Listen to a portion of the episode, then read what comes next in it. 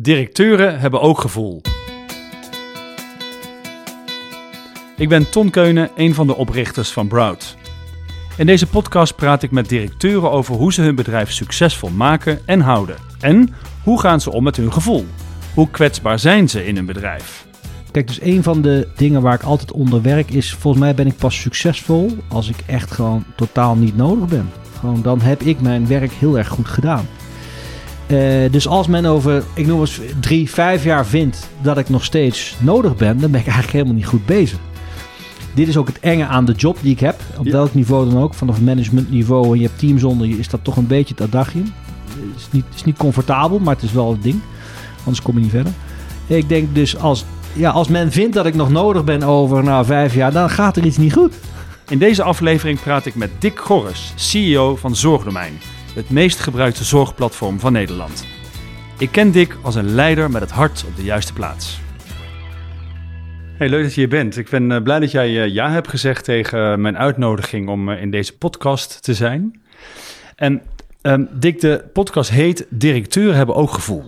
Oké, leuk. En um, dat, is heel erg grappig. Als ik, als ik interviews lees van directeuren, dan gaat het heel vaak over hoe heb je dat gedaan en welke resultaten heb je dat opgelost. Ja. Eh, heel weinig hoor je dan de vraag: hoe voel jij je eigenlijk? Oh, ja. Hoe denk je dat dat kan? Uh, ik denk dat je hoofdzakelijk uh, mensen spreekt, uh, mannen en vrouwen, die mhm. zijn daar gekomen middels een bepaalde gedrag of carrièrepad wat ze hebben afgelopen, bewust dan wel onbewust. En daar was dat van belang. even heel ordinair gezegd, op de apenrots claimen wat er allemaal een succes was eh, voorgevallen. En voornamelijk uh, niet over hebben wat er allemaal niet goed was gegaan. En dan heb ik het niet alleen eens over de business, maar ook over misschien wel intermenselijk of met je personeel. Ja. Ja, dus dat is van oudsher denk ik een beetje zo gekomen. Ja, en dan zo op zo'n apenrots. heb jij wel eens op zo'n apenrots gezeten? Zelf? Ja. Ja, zeker. Ja, ik heb er volop aan meegedaan. Ja? Ja. Maar kun je er iets over, kun je er iets over vertellen? Straks praat ik verder met Dick Goors, maar eerst een korte introductie van mezelf. Ik ben Ton Keunen en ik ben directeur van Broud. Wij ontwikkelen leiderschap binnen organisaties op elk niveau. Als trainer en coach begeleid ik de afgelopen 15 jaar organisaties, teams en dus ook directeuren in authentiek leiderschap en ik ben inmiddels bekend met hun persoonlijke struggles. Voordat ik begon met coachen en trainen heb ik jarenlang als human resource directeur binnen verschillende organisaties gewerkt. Ik weet uit eigen ervaring dat een veilige, transparante werkplek begint bij een directeur die kwetsbaar durft te zijn. En dat is voor die directeur, maar zeker ook voor de mensen om hem of haar heen, niet altijd even makkelijk. Om jou en organisaties te inspireren en om het vak van directeur menselijk te maken, ben ik deze podcast begonnen. Voor wederzijds begrip, zodat teams en organisaties transparanter worden en fijn zijn om in en voor te werken. En nu het vervolg van het gesprek met Dick Gorris. Eh, je, je begint met je met je baan. Maar op dat moment heb je helemaal niet door dat dat ook een begin van je carrière is. Althans, ik was daar niet bewust mee bezig toen ik begon. Mhm. Maar al snel kreeg ik al wel door van ja, maar jongens, wil ik, wil ik een volgende stap binnen dit bedrijf maken of naar een volgend bedrijf? En met volgende stap kijk je ook naar de dingen die daaromheen dan gebeuren. Een, een hogere positie, andere salariering. Ja, dan moet ik uit een ander vaatje gaan tappen. Want doen wat ik doe en daar voor mezelf heel blij mee zijn, maar niet ventileren, kom ik er niet mee. Hè? Dus je hebt wel degene nodig die dat wil zien en jou iets wil gunnen. Ja.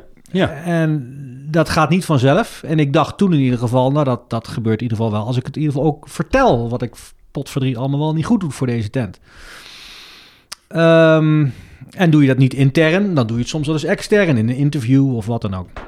Dus onbewust kruipt dat er een beetje in. Want je denkt dat dat ook wel verwacht wordt. Ja. Uh, Grappig, hoe denk je dat dat kan? Ik, want ik ga helemaal met je mee. Ik denk dat als ik directeuren ontmoet of ik zie veel directeuren, of het nou inderdaad een man of een vrouw is, dat maakt niet uit. Maar heel veel hebben het idee, ik ben hier, ik moet nu wat ophouden. En dat ligt dan ook best wel af en toe van hunzelf weg. Ja. Dat, ik, ik ken je een beetje, ja. maar ligt dat ook best wel van jou ver weg? Uh, uiteindelijk ligt dat, ligt dat ver van mij weg, inderdaad. Ja. ja. Dus voor je het weet ben je uh, aan de ene kant acht uur per dag, hoeveel uur het ook mogen zijn, de directeur. En de andere tijd dat je nog wakker bent, Dick Gorris, de vader of sportman of wat dan ook wat je bent. Dus eigenlijk heel raar, kan je helemaal niet volhouden. Krijg je rugpijn van, lage rugpijn vooral. Ja. Maar, Je hebt eh, rugpijn nu, hè? ik Toch? heb ja, ja, precies. ja, Ja, ja. ja. Dus het, af en toe krijg je nog wel eens van die elementen door. Maar naarmate je wat volwassener wordt, en dat heeft niet eens zozeer denk ik met leeftijd te maken, maar in hoeverre je er open voor staat. En ik denk dat de nieuwe generatie er al veel eerder voor open staat dan bijvoorbeeld al mijn generatie. Ja, ja. Eh, kan je dat dichter bij elkaar brengen. Ja. Eh, maar er zijn genoeg elementen of situaties waarin toch eh, gebeurt dat je nog even ja, je, je voet neer moet zetten of iets dergelijks. Wat, wat iets anders zou kunnen zijn dan dat je misschien als, als persoon, als dik had gereageerd in een, weet ik veel, een huis, thuissituatie. Ja. of Zo, ja. En even, want ik, ik kan me voorstellen, want je, je zegt dan, dan gaat het best wel van jezelf af. Hè? En Ja. soms realiseer je dat niet eens. Nee. Ik heb het idee dat jij je dat realiseert. Als je vertelt van, joh, ik heb het eh, nu in mijn rug, dus ik snap best dat het af en toe van bepaalde druk komt of iets wat ik moet laten zien. Ja. Wat doet dat dan met jou dat je erachter komt? Want wanneer kwam je erachter dat het voor jou zo werkte? Mm, eigenlijk dat was in een periode dat ik voor een, eh, voor een corporate bedrijf werkte. Mhm. En dat is inmiddels, eh, nou ja, toen ik er echt achter kwam dacht van ja, dat wil ik toch anders doen. Mhm. Toen was ik 38, ik ben inmiddels ben ik 45, dus dat is dan zeven jaar geleden. Eh, maar het- de, de tijdsbestek tussen besef en dan uitvogelen, ja, maar hoe, hoe zou ik dat dan wel moeten doen? En welke omgeving, bijvoorbeeld werkgever, staat daar o- voor open om op een andere manier daarnaar te kijken? Hè? Binnen de omgeving waar ik toen zat, was het apenrotse werk. Ja, was dat Nespers? Ja, dat was Oké, een Naspers, ja. Ehm, en daar even ook voor Naspers heb ik ook echt wel de mogelijkheid gehad mezelf te ontwikkelen. eh, ook op een aantal kanten die noodzakelijk waren. Maar niet over waar wij het zojuist eh, nu over hebben, want dat is daar niet. eh, althans toen, laat ik even voor toen spreken, Ja, ja. was daar was, geen ruimte voor. Ja, heet dat dan kwetsbaarheid? Heet dat... Ja, dat heet. dat, het, het kan uiteindelijk leiden tot een bepaalde kwetsbaarheid met een aantal mensen. Althans, dat wil je realiseren, waardoor je de juiste beslissing kan maken. Omdat je echt op mekaars eh, kern zit, zeg maar. Mhm. Eh, maar daar kom je dan niet bij die bedrijven, omdat, omdat de groep te groot is. Ja. Vaak. Ja. Eh, de belangen te groot. Hè? Je moet per kwartaal iets performen, want er zijn investeringen mee gemoeid of iets dergelijks. En dat, dat verhaal over het tot elkaar komen is dan heel weinig ruimte voor. Oh, dat Je zit ik. bijna soms dat het de facto bij wat kleinere bedrijven zit je dan, eh, eh, kom je dan terecht. Ja, Ja. dat snap ik. Maar is het dan dat je in een soort, hè, even naar zo'n corporate kijkend, hè, is het dan dat je dan in een soort van anonimiteit terechtkomt? Of kom je in een soort stroomversnelling waar je ingaat en dat het echt niet anders kan? Of hoe, hoe, hoe werkt dat dan? Dat je daar of in zit of in meegaat? Mm, Ik denk dat het een beetje beide is. Hè. De, de, de situatie waar je in komt, zeker bij grote bedrijven, is dan zoals die is. En wil je daar staande houden en blijven zwemmen en kunnen ademen, dan ga je mee met de stroming. Ja, Eh, en dan doe je de dingen die daarvoor gedaan moeten worden. Om daar binnen dan dingen te kenteren of iets anders te krijgen. Nou, dan moet je stevig in je schoenen staan. Wil je daar de vrijheid, toe, de vrijheid toevoelen of de ruimte toevoelen? Nou, eh, de gemiddelde werkspannen waar ik zat bij werkgevers die ja, ho- hoge snelheid hadden, dat is gemiddeld drie jaar. Nou, dan kom Ja. je eigenlijk nooit tot een momentum dat je echt tot elkaar komt en zegt van, hey, zijn we eigenlijk met de goede dingen bezig voor onszelf, voor onze mensen, voor ons bedrijf. ja. Daar kom je dan eigenlijk niet toe. En ik, ik herinner me dat je ooit eens vertelde dat jij op het punt stond naar Berlijn te verhuizen, volgens mij. Ja, Dat ging jij niet doen. nee. Waarom niet? Nee, dat was toen, dat was toen het begin van de, van de gewaarwording van ja, waarom zou ik dat nu gaan doen? Hè? De, eh, wie is daarmee gediend anders dan het bedrijf? Ja, Eh, en toen kwam ik tot de conclusie, nou in ieder geval niet ik. Eh, en ook niet mijn vrouw en ook niet mijn drie kinderen toen een tijd nog in een jongere leeftijd die ook aandacht nodig hebben. ja. Eh, alleen dat was niet te verenigen. Anders dan dat ik een beslissing moest nemen binnen 12 uur. Nou, dan ga je al. Zo. Eh, of ik met mijn hele familie even aan de gang wil. En dan, dan rij je uiteindelijk s'avonds naar huis om acht uur. Om, dan, en dan heb je dus, ja, nog maar tien uur om met je vrouw over te hebben... die pas om twaalf uur s'avonds van het feestje terugkwam. Snap je de, de onredelijkheid wat hier aan alle kanten dan naar voren komt? Zeker.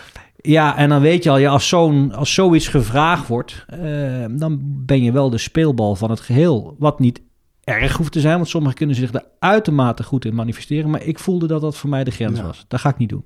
En is het dan een grens omdat het zeg maar iets van jou vraagt wat je niet waar kunt maken met betrekking tot je familie? Of is het een grens omdat ze jou vragen om binnen zo'n korte tijd daar een beslissing in te nemen? Nou, het, het- beide. Maar voornamelijk ook de gewaarwording dat als een werkgever dit van jou vraagt, dan kan er ook een onderliggende bedoeling bij liggen. Bijvoorbeeld van, hey Dick, nou ja, wij snappen ook wel dat het heel erg moeilijk voor je is binnen die 12 uur. Maar zweet er maar eens even op los. En als het niet zo is, dan, ach, dan, dan vinden we ook alweer een ander. Dus zo, zo kan je er ook naar kijken. Het kan ook voorbedachte raden zijn. En zo kan ik nog tien versies verzinnen. Het antwoord is, ik weet niet wat het was. Nee. Eh, ik denk wel, als ik ja had gezegd, nou, dan was ik, eh, had ik mijn spullen kunnen pakken. En dan waren we met z'n allen naar Berlijn gegaan... om vervolgens daar binnen zes maanden een ander probleem geserveerd te krijgen in Venezuela. Ja. Met weer waarschijnlijk twaalf uur bedenktijd. Ja. Ja, Ben je blij dat je eruit bent? ik ben daar heel blij mee. Ja. Ja. Ik denk dat het beter bij me past. Ik heb het een fantastisch bedrijf gevonden overigens. Dus het gaat hier helemaal niet om het bashen van Naspers of iets dergelijks. Ja. Integendeel, prachtig bedrijf. Eh, maar wat ik nu doe, past meer bij me. Ja. Ja. ja. Wat voor gevoel, even als laatste over Naspers nog even. Ja, maar dan kom ik zo even bij Zorgdomein. Maar Ja. dat, je moet er een bepaald gevoel aan over hebben gehouden. ja. Wat, is het, wat is het gevoel wat je daar wat Ja, het daarachter is gekke, het gekke is heel dubbel. Ze hebben me wel kansen gegeven om, om, het te, eh, om het te laten zien dat ik iets kan in een bepaalde sector Ja. met een grote groep mensen. En dat ik dus, ik wil het niet bestuurlijk noemen, dat klinkt, eh, dat klinkt ongelooflijk ouderwets en, en traag of zo. Maar dat, Mhm. je, dat je grote groepen mensen met een hele duidelijke eh, visie waar we heen willen, dat werkend kan krijgen. Dat heb ik daar mogen doen. Ja, Ongebreidelde resources en daar de slimme dingen mee doen. Dat, Ja. dat, die kans hebben, hebben ze me wel gegeven. Ehm, dus jij hebt er ook zelfvertrouwen van gekregen. Nee, Nee? eigenlijk nee. Oh. Dat niet. Leg eens uit. Nee, omdat, eh, kijk, je krijgt zelfvertrouwen. Volgens mij is dat uiteindelijk ook een gevoel wat je hebt. En dat gevoel zit een beetje in je middenrif. Je bent comfortabel. Je Mhm. voelt als je zit, voel je lekker zitten. Ja. Eh, er is een bepaalde mate van controle een element op je leven waar je controle over zou willen hebben. Natuurlijk is het er nog een bepaalde spanning ook wel in bijvoorbeeld werktechnisch wat je nog zou willen bereiken. Maar al met al is er een hele fijne balans. Dat noem ik even zelfverzekerdheid dan maar. Ja, dat was daar niet. Ik was daar tenen aan het lopen. Nou probeer jij je balans maar eens te houden als je op je tenen loopt. Dus misschien was het dus ook niet mijn omgeving dan als je op oké. tenen moet lopen. Klinkt bijna alsof je er onzeker van bent geworden. Ehm, nee, dat is het ook, Ook niet. niet. Eh, nee, er was een bewustwording van, ja, dit is hem niet. Ah. En het heeft ook, denk ik, te maken met... ehm, je gaat op een gegeven moment zien dat... eh, eh, men zoekt elkaar op. Hè? Dus als jij bijvoorbeeld vanuit McKinsey komt... Mhm. en je gaat voor het bedrijfsleven werken... dat gebeurt vaak met een consultancy exit... en je hebt McKinsey of Boston Consultancy achter je naam staan... ja, dan zijn bijvoorbeeld Naspers jouw toekomstige werkgevers. Als je die achtergrond niet hebt, op een bepaald niveau wordt het lastig om je daar nog naar binnen te manifesteren. Want je hebt niet hetzelfde pad bewandeld als hen. Ik kwam uit een totaal andere, Andere hoek. Ja. Dat soort dingen speelden mee in mijn afweging. Dat ik dacht van ja, is dit dan mijn groep? Is dit waar ik dan bij hoor? Of is daar, hé, hey, daar hebben we hem, ik ben een vent. Maar is daar misschien een glazen plafond waar ik ook wel doorheen kan kijken. Maar ook zie van ja, maar als jij niet McKinsey hebt en niet Boston Consultancy, dan kun je dat wel vergeten. Dat kwam er ook nog eens een keer bij. Oké. Ja, Oké. Dus een man met een glazen plafond. de man met een glazen hoor je- plafond. dat hoor je niet ja, vaak. Ja, Hoor je nee, niet vaak. Ja, ja, ja. En je hebt de overstap gemaakt naar zorgdomein. Ja. Kun jij kort uitleggen wat zorgdomein nou eigenlijk precies doet? Ja, Ehm, wij geloven in een wereld waarin de best passende zorg voor iedereen bereikbaar is. Dat is even het adagium wonder werken. Wat betekent dat? Dat op het moment dat jij zorg nodig hebt, jij naar, in dit geval Nederland, naar je huisarts gaat. En de huisarts kan op basis van indicatiestelling, wat hij denkt wat je hebt, kan die zorgdomein openen. En dan ziet hij precies wat voor die indicatiestelling aan zorg beschikbaar is in Nederland. Dus wij zijn een vraag- en aanbodsysteem in de zorg. Ehm, volgens mij zit je daar behoorlijk op je plek. Ja, ik ben nu vijf jaar bezig. Ik, zit daar, ik durf daar nu volmondig ja op te zeggen. Maar Ja. had me dat het eerste jaar gevraagd, dan had ik anders geantwoord. Vertel eens. Nou, dat had meer te maken met de sector. Ik, moest, eh, ik, kwam in een omgeving die was mij wat dat betreft vreemd, de zorgomgeving. Ehm, Geen grote verschil bijna, toch? Tot ik, zorg ik, of- ik, ik denk dat je geen groot verschil Nee, kan krijgen nee. tot een high-paced bedrijfsleven Ja. omgeving, waar Ja. alles gaat over snelheid en eh, met veel geld bepaalde marktposities proberen te verwerven. For good and for worst. Eh, versus de zorg, Ja. eh, waar alles een, altijd een, een, een genuanceerde kant heeft. Want het gaat over mensen, het gaat over de gegevens van mensen, het gaat over gezondheid van mensen. Alles is eh, zeer voorzichtig. En in een, in een, in een snelheid die eh, factor, eh, nou ja, factoren lager ligt dan het bedrijfsleven, laat staan eh, high-end partijen als bijvoorbeeld een eBay of een Naspers. Daar moest ik aan wennen, dus dat is de eerste kant. Hè. Dus ik zie het maar even als een sinus, die van mij ging wat sneller dan de zorg. Nou goed, daar kan je dan nog toe zetten. Maar wat ik niet gewend was, is dat in het bedrijfsleven heb je competitie of klanten. Eh, daar kun je een dispuut mee hebben, dat is geen enkel probleem. Mhm. Dat bespreek je met elkaar en je komt tot een oplossing. Ja. En dan, nou ja, dan ga je met elkaar weer verder. En Mhm. niks persoonlijks. Ja. Dat was in de zorg wel anders. Ik heb in de zorg heel erg sterk gemerkt, daar zijn echt hele duidelijke afgebakende kampen. Zowel binnen de zorg, maar al helemaal naar leveranciers van buiten de zorg. En ik vond het moeilijk om daar aangekeken te worden als een man die geld kwam halen, maar geen dienst of een belangrijke service voor de zorg. Ja. Want zo word je wel gepositioneerd. Want het is waar, wij zijn een bedrijf, we moeten onze eigen broek ophouden. En dat Ja. betekent dat wij een fatsoenlijk rendement moeten maken op de investeringen en risico's die we al twintig jaar nemen daar het gesprek op de inhoud over aangaan en elkaar te vinden en te begrijpen dat, dat onze tussen haakjes sector, bedrijf anders is dan de zorgsector, op een andere manier gefinancierd wordt. Eh, maar dat niet wegneemt dat wij Nee. diensten leveren die waarde hebben. En als het goed is, een multiple meer waarde dan dat wij daarvoor vragen. En dat is volgens mij ook de enige reden waarom wij klanten hebben. Want anders doe je het namelijk niet. Nee. Maar daar is eigenlijk tot de dag van vandaag niet echt een inhoudelijk gesprek over geweest. Nog een, nog een tegemoetkoming. Maar ik heb binnen een jaar wel geleerd van, ja Dick, als je al begint om meer in de sinus te zitten van de zorg. Zijn er momenten die weer komen waarop je dat gesprek wel met een aantal aan kan gaan. En waarin je gaat zien dat op individueel niveau men het echt wel ziet. Maar op systeemniveau het soms best lekker is om gewoon eens even lekker te bashen Nee, op, die, op die dienstverleners of op de ik. overheid of op de verzekeraars. Ja, maar betekent ook, hè, Dick, je hebt zeg maar, als je kijkt naar de zorg zelf, is, je werd dan wantrouwend aangekeken, denk ik. Hè? Wat kom je Mhm. doen? Wa- waarom kom je je geld mee verdienen? ja. Ehm, je zegt het eerste jaar was dat best wel lastig. Hoe heb je, dat- hoe heb je dat een, een, een plek gegeven? Hoe heb je dat kunnen draaien? ja. Hoe ben je in die sinus zeg maar meegegaan? Mm, eh, door heel goed nauw in contact te, te zijn op, op werkvlak, maar ook persoonlijk vlak. Met toen de tijd de oprichter van Zorgdomein, die er al twintig uh, fietsjaren op had zitten, zou ik maar zeggen. Dus die kent de klappen van de zweep wel, Ja. zeker vanuit de zorg. Die wist hoe het werkt. Ja, en die Ja. zei altijd tegen mij, Dick, ga nou even zitten, voordat je met je ontslagbrief gaat zitten zwaaien. Eh, want je Had gaat, je, had je het gedaan? Ja, had je al een, eh, ja, als, als hij dat niet had gedaan, was ik vertrokken. was je weg geweest? Ja, ja, ja. En dan ging hij rustig zitten en dan, nou, dan kon ik ventileren over wat ik ervaarde. En ja, ik denk dat hij uit zijn achterzak wel 500 voorbeelden kon, kon, kon geven van zijn periode toen hij er was. Ja. En dat stelde me wel enigszins gerust. Aan de andere kant maakte het me ook wel een beetje zorgen. En ik, ja, maar als jij dat 20 jaar geleden al had en ik sta hier nu 20 jaar nadien nog steeds met dezelfde Je problematiek. zegt dat hoe- gaat What changed, weet je, ja, helemaal niks. Ja.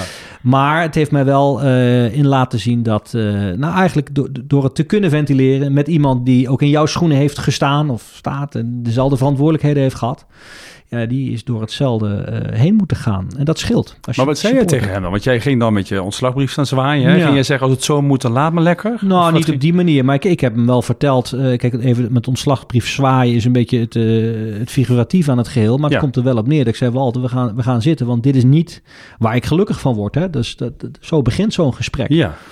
En, dat, en dan zegt hij natuurlijk, ja, maar dat verrast me helemaal niks, Dick. Want ik zie je daar. Je. Ga eens even zitten. Nou ja, het lijkt wel een soort, een soort pater waar ik op bezoek ga dan. Dat is het niet. Nou ja, maar hij zag het wel. Ja. En eh, hij greep ofwel tijdig in, ofwel ik gaf het tijdig aan. Ja. En met hem samenwerkende en ook met mijn andere collega's... kom je dan tot een eh, een werkverhouding of een acceptatiegraad... van wat je doet, ook voor uiteindelijk je, je klanten... waarin je wel kan manifesteren... en waarin Ja. je wel de lichtpunten ziet van... hé, maar dit hebben we maar wel weer bereikt. Ja. Want daar zat hem ton een van de eerste dingen die ik heb gedaan, was inzichtelijk maken wat wij nou op dagbasis eigenlijk betekenen voor onze klanten. Dan moet je nadenken, gewoon letterlijk in van die grote schermen op je kantoor, Ja. waarin je elke dag ziet of er weer iets meer is gedaan dan gisteren. En meer klinkt heel eh, commercieel, zo Mhm. bedoel ik dat niet, maar. Hè, met elke verwijzing besparen wij de zorg ongelooflijk veel geld. Dus als er morgen één verwijzing meer is of beter geallockeerd op een andere kant, dan is dat een succesje. Ja. En even los van alle kritiek die ik van de buitenwereld kreeg, Ja. vertelde die inzagen mij dagelijks al de data die ik zag van ja, even los van alle geluiden, zie ik wel dat het vandaag weer beter is gegaan dan gisteren. En dat kan ik al vijf jaar zeggen. Ja, maar dat is fijn.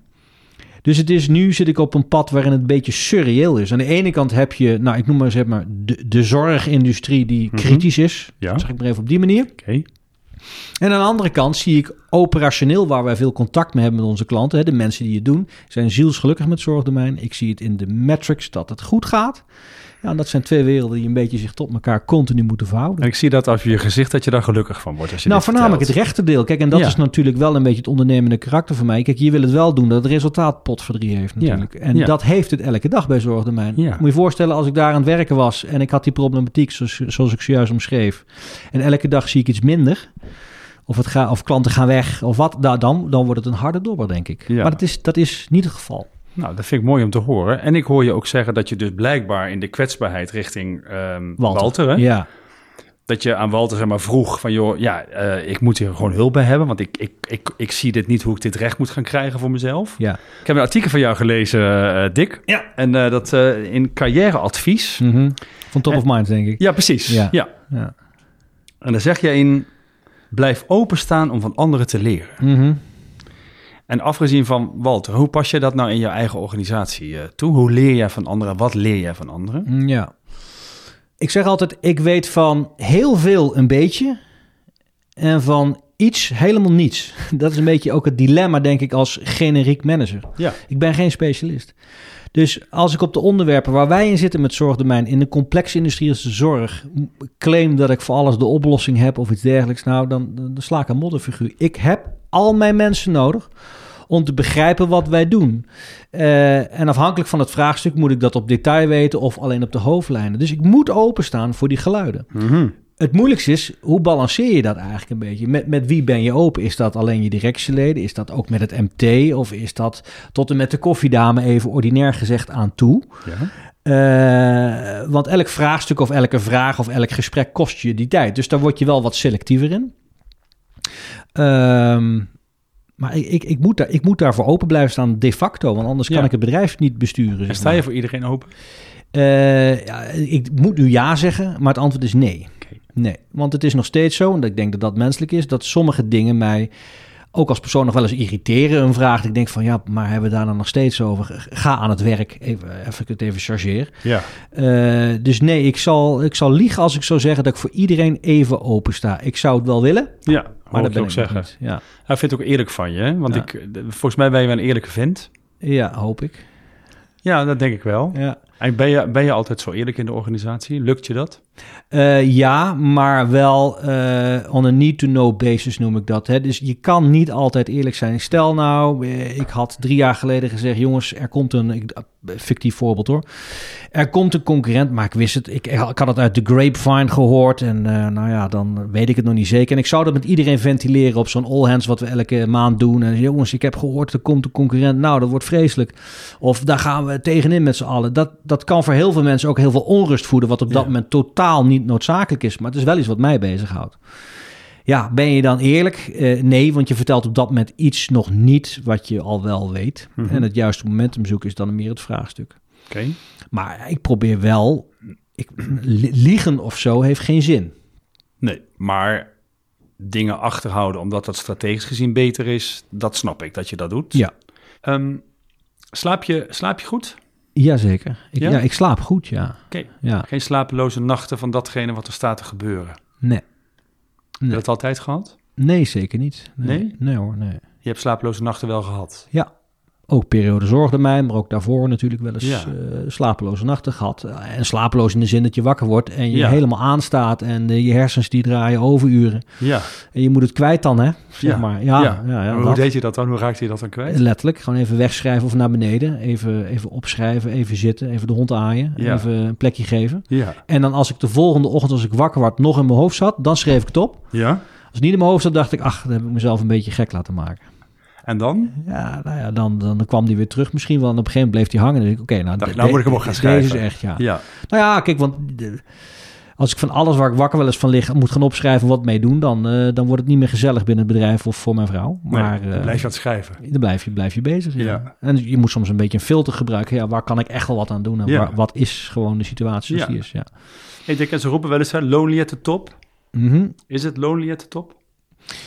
Ligt eraan wat je ervan maakt. Dus qua beslissingen en verantwoordelijkheden, als je dat zo wil voelen, wel. Eh, aan de andere kant, je kan ook wel de support zoeken. Hè. Ik heb bijvoorbeeld nog steeds met Walter Schoot aandehouden, heb ik heel veel dagelijks contact. Ik heb een fantastische RVC. En met bijvoorbeeld Pauline Meurs erin en een Edmond Hilhorst en een, eh, en een Michel van Schaik. Ik ben een gezegend man dat Zo. ik daar... eh, zijn niet zomaar een paar namen. Nee, en daar, Nee. Kan, daar kan ik, daar kan ik op een, op een persoonlijk niveau heel prettig het gesprek mee aan. En die Ja. snappen echt wel waar we in zitten. Dus nee, da- op dat vlak is niet Lolling de top. Wat wel het verschil maakt, is ik ben doorgegroeid vanuit de organisatie, vanuit de commercieel directeur naar algemeen directeur. Het vergt weer een andere perspectief op wat vroeger jouw peer-collega was aan de rechterkant. Ja, is diegene nu eh, rapporteert zeg maar aan mij, als je het even ouderwets wil zeggen. En die, ja, zijn toekomst hangt dan af hoe wij met z'n tweeën eh, varen. En Ja. misschien ging het wel niet goed met mij als leidinggevende, ik weet het niet. Maar dat verschil, eh, dat is wel anders dan voorheen. Ja, kan Ik heb het gevoel dat ik op, op sommige gebieden toch wat later in de informatielijn dan zit dan dat ze zelf zitten bijvoorbeeld. Nou, dat soort dingen krijg je dan. Ja, ja. Dat ik soms wel denk ja, maar waarom weet ik dat niet? Ja, Dick, daar gaan we niet meer lastigvallen. Ja, maar dit vond ik wel belangrijk. Ja, nou, ja, is dat lonely? Hm. Ja, is, is dat lonely? Mm, nee, ik denk wat het lonely deel is, is wat ik, eh, daar hadden we het net over. Hè. Soms kies je ervoor om dingen nog niet te bespreken vanuit strategisch oogpunt. Soms doe ik dat ook wel eens met directieleden. Het is echt niet zo dat ik nu vijf dingen heb lopen of zo dat ik niet bespreek. Maar soms zijn dingen op dat moment nog niet rijp om, om met z'n alles over te, over Ja. te zitten. Ja. Alhoewel ze natuurlijk allemaal zouden willen... ja, maar als je me direct betrekt, zou het beter zijn dat. Eh, maar dan heb je misschien wel eens één of twee onderwerpen in je hoofd... waar je zelf op het knagen bent, ja. Ja, dat is dan, dat is dan het lonely deel. Ja, en ik merk, kijk, ook in dit gesprek, wat ik echt fantastisch aan je vind trouwens. Hè, je bent gewoon, je kunt ongelooflijk goed praten. Hè? Dat Mm. is volgens mij ook wel ik wat ik terughoor van mensen in jouw organisatie. Sta je wel eens met een bek vol tanden? Jawel, jawel. Wanneer is het de laatste keer geweest dat je echt, ik weet niet, ik weet nu echt niet meer wat ik moet zeggen? Nou ja, eh, maar goed, dan ga ik van het zakelijke af eigenlijk. Hè? Dus, Mhm. dus in het zakelijke, nou, ik kom net van een congres. Ik zei net nog tegen mijn collega's: het is bijzonder dat je in een groep van 50 man, normaal gesproken, als er wel eens een sessie is met een, eh, met een paar mensen op het podium en dan wordt daarna gevraagd: eh, zijn er nog vragen? Dan heb je, weet je wel, één, twee handen die omhoog gaan. Nou, waar ik was niet. 50 handen omhoog waren allemaal directeuren en directrices. En de man, ze ventileren eh, eh, enorm veel teksten. Niemand is verlegen om teksten. In dat soort omgevingen is dat eigenlijk nooit het probleem. Ook voor mij dus niet, als het moet. Ik heb Mhm. wel geleerd om vooral heel even te wachten met heel veel teksten. Dus daar niet met mond vol tanden. Maar ik heb, ehm, net voordat ik op vakantie ging... eh, mijn zoon is voor een jaar nu naar Amerika. Dus hij is, hij is nu 17 jaar. En hij gaat naar een gastgezin. Nou, die zet je dan af op Schiphol. Nou, ja, hier, doe, doe nu wat. Ja, dat zie ik. Dan, dan weet je niet wat je moet zeggen. Ja, dat zie ik, Dick. Dan, dan, ja. Je denkt, ja, nou, leuk, gaaf. En dan ga je, gaan we high school hier. En dan zie je, weet je, alle beelden van de toekomst, alleen maar mooi. Ja. Maar op jouw vraag, wat zeg je dan? Ja. Go- Goeie tijd. ja, dat is het. Het zijn tranen van vreugde voor de helderheid. Maar Ja. je weet niet wat je dan moet zeggen. Dus dat is het echte antwoord op je vraag. Ja. Ja. Het is, het is, ik ik kan zien dat het tranen zijn van vreugde voor hem natuurlijk. Ja, En je mist het natuurlijk ongelooflijk. ja, ja, wel. Ja. Ja. Ja. Je kan wel krijgen dat je met je gezin dat je dat super belangrijk vindt. En, ik, en hij is samen met jou nog een man in het gezin, hè? Want de Ja. anderen zijn vrouwen, hè? Ja, mijn hond. Ja, maar dat is ook ja, een je vrouwtje. Maar iedereen niet te vinden de vent. Ja, Eh, ja, ja. ja. En hoe heeft hij het? Eh, ja, fantastisch. Ik had hem gisteren nog aan de lijn en eh, hij heeft gewoon een goede tijd. Hij is goed opgevangen in het gastgezin, ook belangrijk, geeft heel veel rust. Ja. Eh, ontmoet vrienden en nou ja, heeft het gewoon enorm naar zijn zin. En dan is het eigenlijk het, het, het beeld waarmee je je kind iets wil aanbieden, zeg maar, of iets biedt. Wat zijn eigen motivatie was, ja, dat komt dan allemaal mooi bij elkaar. Dus dan is het wel lekker. Ja. Maar de onzekerheid of dat ook zo uitpakt. En of die, als die landt in eh, freaking Oklahoma, of dat dan is zoals die denkt dat het is, ja, dat weet je niet. Nee. Maar ik vind het wel mooi dat hij doet. En ik vind het mooi, ja, aan alle kanten is het mooi. Ja, prachtig dat je Ja. hem los kunt laten ook. dan. Ja, ja, ja, ja, ja. Ik, ik hoop dat, eh, ja, nee, dat klopt. Maar Ja. dat, dat- dus, zoals je merkte, het niet zo makkelijk. Nee, dat, maar, en wat ik mooi, want ik heb je natuurlijk van tevoren even gezien dat ik je ook vroeg van hoe is dat dan voor je? Ja, En toen zei je volgens mij tegen mij, het is nog niet zover. ja, ja. Dat je echt dacht, het is nog op het moment dat het dan gebeurt, we, we, we get there. En dan zien we wel wat er gebeurt. Maar dit is er Ja. dus blijkbaar dan gebeurd. Dan laat je dat aan je zoon wel zien, dat je verdrietig bent? Ehm, ja, maar toch is er dan zo'n soort filter of zo. Hè? Dus dan, dan eh, ja, nou, eh, Mats, veel plezier. Een uh, manhug. Oh ja. En laat niet gek maken, weet je, dat soort teksten. Nou, mijn dochters en mijn vrouw staan al echt... Nou, die kunnen al helemaal niks meer. Dan kan je de vloer mee opvegen. Ja, dan moet je de boel een beetje bij elkaar houden, denk ik dan maar. Op Mark Ja. Rutte te spreken. Dus, dat, dus hij ziet wel dat het me wat doet. Maar niet zoals ik net even, even was. Nee, dat niet. Nee, maar dat weet je dan van elkaar. Ja, dat weet je wel van elkaar. En ook, je zit nu bijvoorbeeld op de app en dan eh, nou ja, heb je hem gesproken. En dan app ik ook terug, joh, fijn om je even gesproken te hebben. Hè. Eh, nou, kortom, je probeert wel gewoon niet alleen de rationele kant met elkaar te bespreken. Uh, hoe betaal je in een winkel uh, met de creditcard of met de debitcard, maar juist ook dit soort dingen. Dat je hem wel mist op gezette tijden. Ja, ja. zeker wel. Ja, dat snap ik. Ja. ja. ja. Hey, zit, uh, zit, de, zit de vader Dick ook af en toe in de directeur Dick? nou, ja, ik denk het wel. in het feit dat ik heel erg goed besef dat heel veel mensen die voor ons werken natuurlijk ook maar in een deel van hun carrière zitten. En, en met alles wat daarbij komt kijken. Niet alleen werktechnisch, maar vrouw, kinderen, scheidingen. Ik weet niet wat, uh, liefdesverdriet. Alles wat erbij komt kijken. dus het is natuurlijk een mega menselijke omgeving. Ja. Daar probeer ik oog voor te hebben. Uh, soms lukt dat. Coronatijd een stuk lastiger over. Dat mis je echt. Want je ziet mensen niet voorover gebogen lopen. Of juist heel fier. Omdat je ziet, uh, hebben waarschijnlijk gewonnen met tennis het weekend. Weet ik veel. Maar dat is dan leuk om ook over te hebben. Ja. Dat mis je. Dat is het vaderlijke deel, denk ik. Uh, maar het vaderlijke deel zit ook soms in gewoon uh, zeggen: jongens, uh, leuk geluld vandaag, maar wat gaan we doen? Gewoon even de boel stopzetten voordat we elkaar met z'n allen in dat, in, dat, in dat cirkeltje naar beneden draaien, zeg maar. Ja. Dat is denk ik ook vaderlijk. Ja. ja. zo van laten we nou eens wat gaan doen? Of uh, gaat er nog iets gebeuren? Wat is dat? Nou, nu zeg je het nog netjes, maar ik kan dat ook zeker naar mijn directieleden ook best wel eens zeggen. Jongens, weet je, maar prachtig, maar we hebben het nu in, in hemelsnaam over. Uh, we, we, weten wat we dit jaar willen doen. We weten waar we over vijf jaar willen staan. We weten hoe we het enigszins hebben opgeknipt. Mm -hmm. En in jullie directoraat, als je zo mag noemen, ja. weten waar we naartoe willen. Dus deze vraag begrijp ik niet. Hoezo, waarom zit men daarmee? Je weet toch wat je moet doen? Nou, en dan is er altijd wel een reden waarom het weer naar boven moet komen. Maar toch de dingen strakker houden dan dat misschien iedereen wel zou willen. Dat is wel de rol die ik dan wel ook inneem. Dat is dan even de andere kant, hè? Ja, helpt dat? Uh, soms wel, soms ook niet. Oké. Okay. Ja. En als het niet helpt, wat doe je dan? Uh, of ik stop ermee, of ik, of ik herhaal het, of vraag van joh, wat, uh, kom ik niet door of zo. Ja, ja moeilijk. Maar dat, eigenlijk zit er altijd het fundament in de connectie die je dan toch niet hebt gemaakt. Ja. Of waarvan ik dacht dat iedereen het toch wel wist dat, ik, dat we dit met, met z'n allen hadden afgesproken. Ja. Nou ja, dat was dan mijn perspectief. Dat soort basale dingen dan. Ja. Ja. Ja, en dan moet je toch even opnieuw naar achteruit en even snel, oké, waar hebben we de afslag met z'n allen gemist? Daar moet je dan weer voor openstaan. Wil je weer met elkaar op hetzelfde spoor komen, anders Ja. lukt het niet. Als ik dan door blijf douwen, dan... eh, Nee, dat snap ik. Dan, gebeurt dan, dan gaat het in ieder geval niet gebeuren. nee, dat gaat in ieder geval Nee, niet dan gaat het gebeuren. niet gebeuren. Nee, nee, nee, nee, nee. Volgens mij blijf je nog wel even bij zorgdomein, heb ik het idee. Ja? En ehm, wat moet er in elk geval niet gebeuren om dat inderdaad bewaarheid te laten worden, dat jij blijft?